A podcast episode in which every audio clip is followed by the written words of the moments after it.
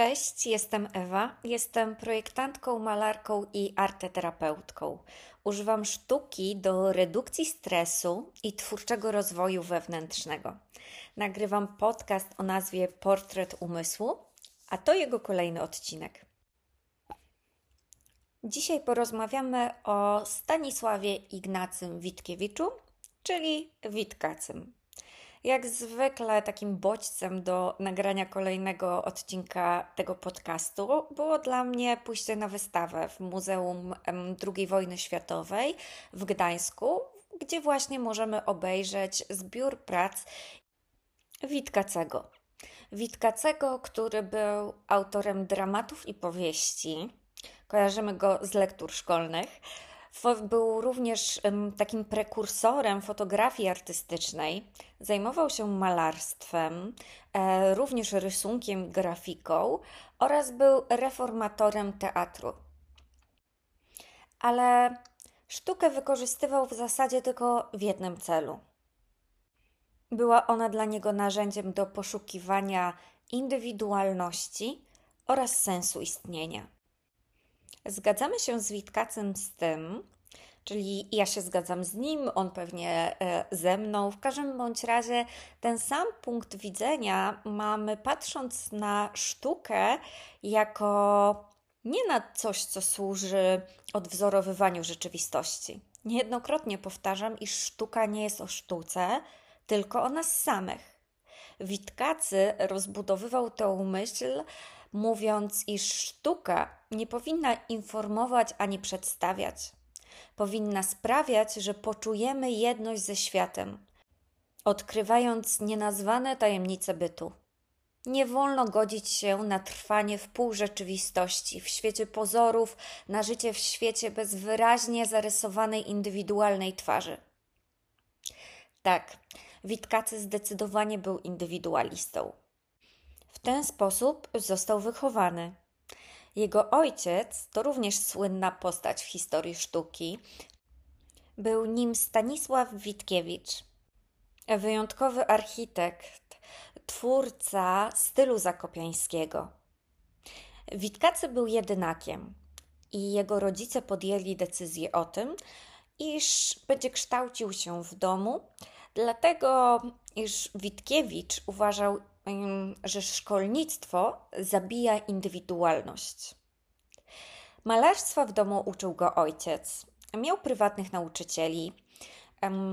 Jednak w ogóle dom Witkiewiczów był takim miejscem elity intelektualnej, gdzie przychodziło bardzo dużo ludzi i osób będących właśnie z takiego środowiska artystycznego a mały Witkacy, siedzący w domu, no chłonął to wszystko.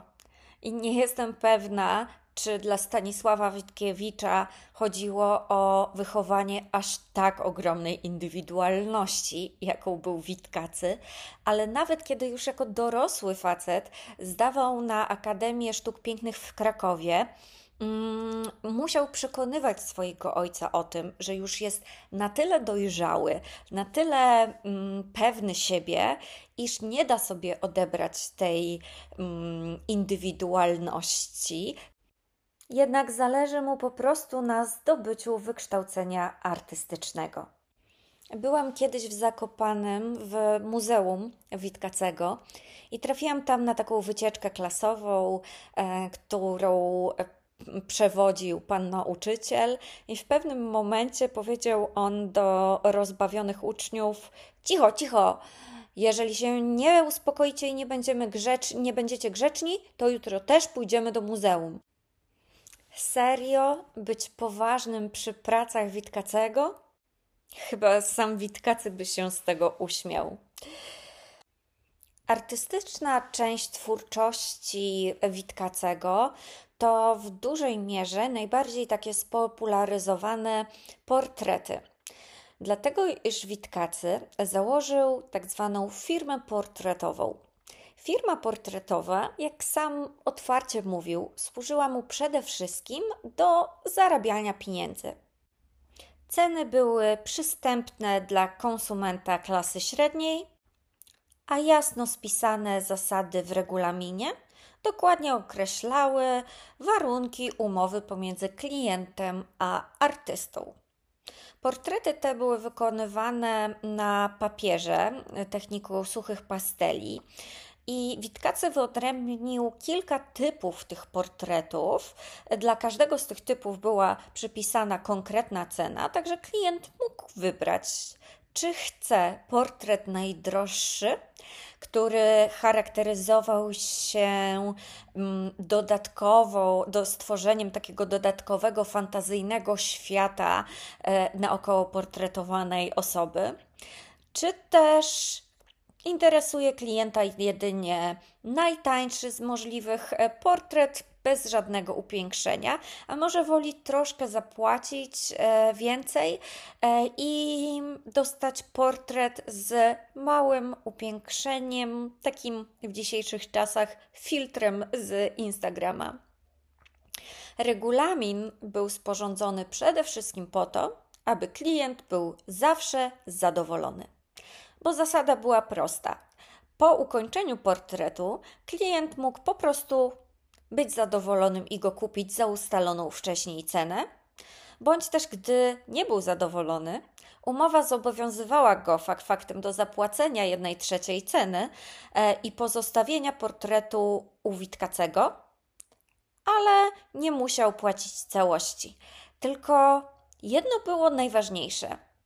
Ten punkt, który mi osobiście podoba się najbardziej, czyli zasada mówiąca o tym, iż Artysty nie można krytykować, nie można wyrażać krytyki i opinii na temat tego, co stworzył Witkacy, bo po prostu od tego można zwariować. Jest jeszcze jeden ciekawy aspekt wykonywania portretów przez Witkacego, a mianowicie te mm, nagryzmolone przypisy, literki, cyferki, które można spotkać w w dolnym e, rogu jego prac. Co one oznaczały? Mianowicie Witkiewicz, poszukując siebie, swojej indywidualności i zrozumienia dla otaczającego go wszechświata, eksperymentował z substancjami psychoaktywnymi. Do takich najgrubszych należała kokaina, morfina, ale również zaznaczał na swoich pracach, kiedy dany portret stworzył na przykład po alkoholu, czy też piwku, bądź też po papierosach i tego typu różnych używkach. I naprawdę ciężko się nie śmiać, odczytując te zapiski i patrząc na fantazyjny wizerunek, jaki stworzył Witkacy dla portretowanej osoby. Twórczość Witkacego przypada na okres dwudziestolecia międzywojennego. Jak już opowiadałam w podcaście pod tytułem Dlaczego pokochałam ekspresjonizm abstrakcyjny, wojna, czy to światowa, czy to prywatna, zawsze odciska piętno na twórczości artysty. E, I tak samo Witkacy nawet sformułował teorię czystej formy. I ta teoria czystej formy w zasadzie e, nie przypatrywałam się wcześniej jej, bo myślałam, że chodzi, mm, że chodzi po prostu o taki rodzaj prostoty w konstrukcji malarskiej. Jednak teoria czystej formy dotyczy czegoś zupełnie innego.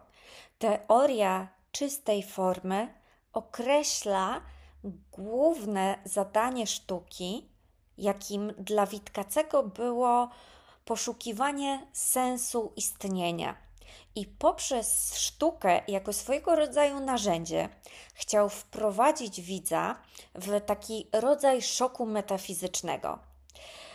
Mm, nie jest to katarzis. Katarzis polegało bardziej na takim uwolnieniu od niepokoju. Natomiast Witkacy świadomie wprowadzał widza w taki świat grozy, ale też przede wszystkim takiej świadomej egzystencji.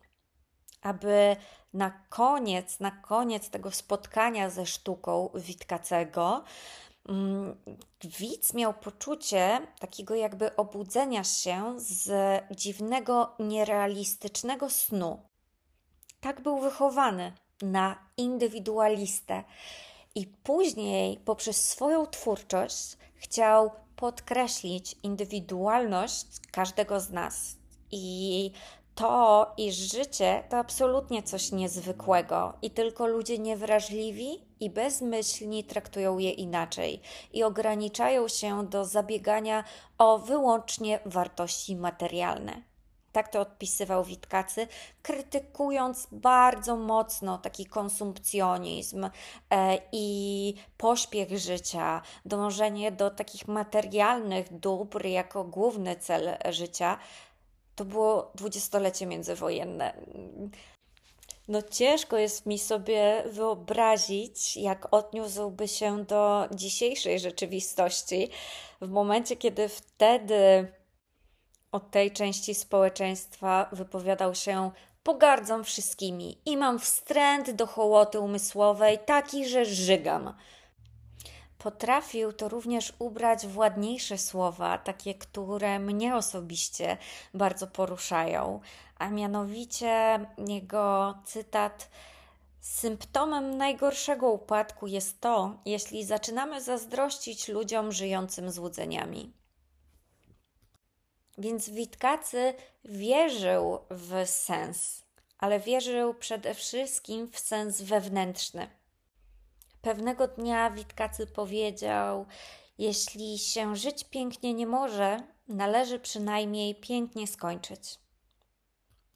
Zmarł popełniając samobójstwo wspólnie ze swoją kochanką w momencie, gdy E, z jednej strony napaści na Polskę dokonywali Niemcy, z drugiej strony e, Sowieci i Witkacy odebrał sobie życie, nie mogąc wyobrazić sobie siebie w takiej rzeczywistości.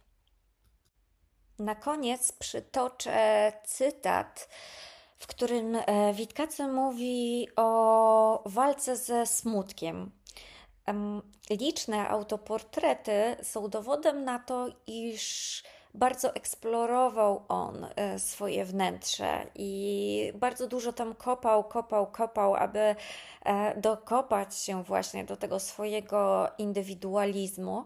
Wykorzystywał do tego sztukę i używał jej jako narzędzia do walki, do walki ze swoim smutkiem.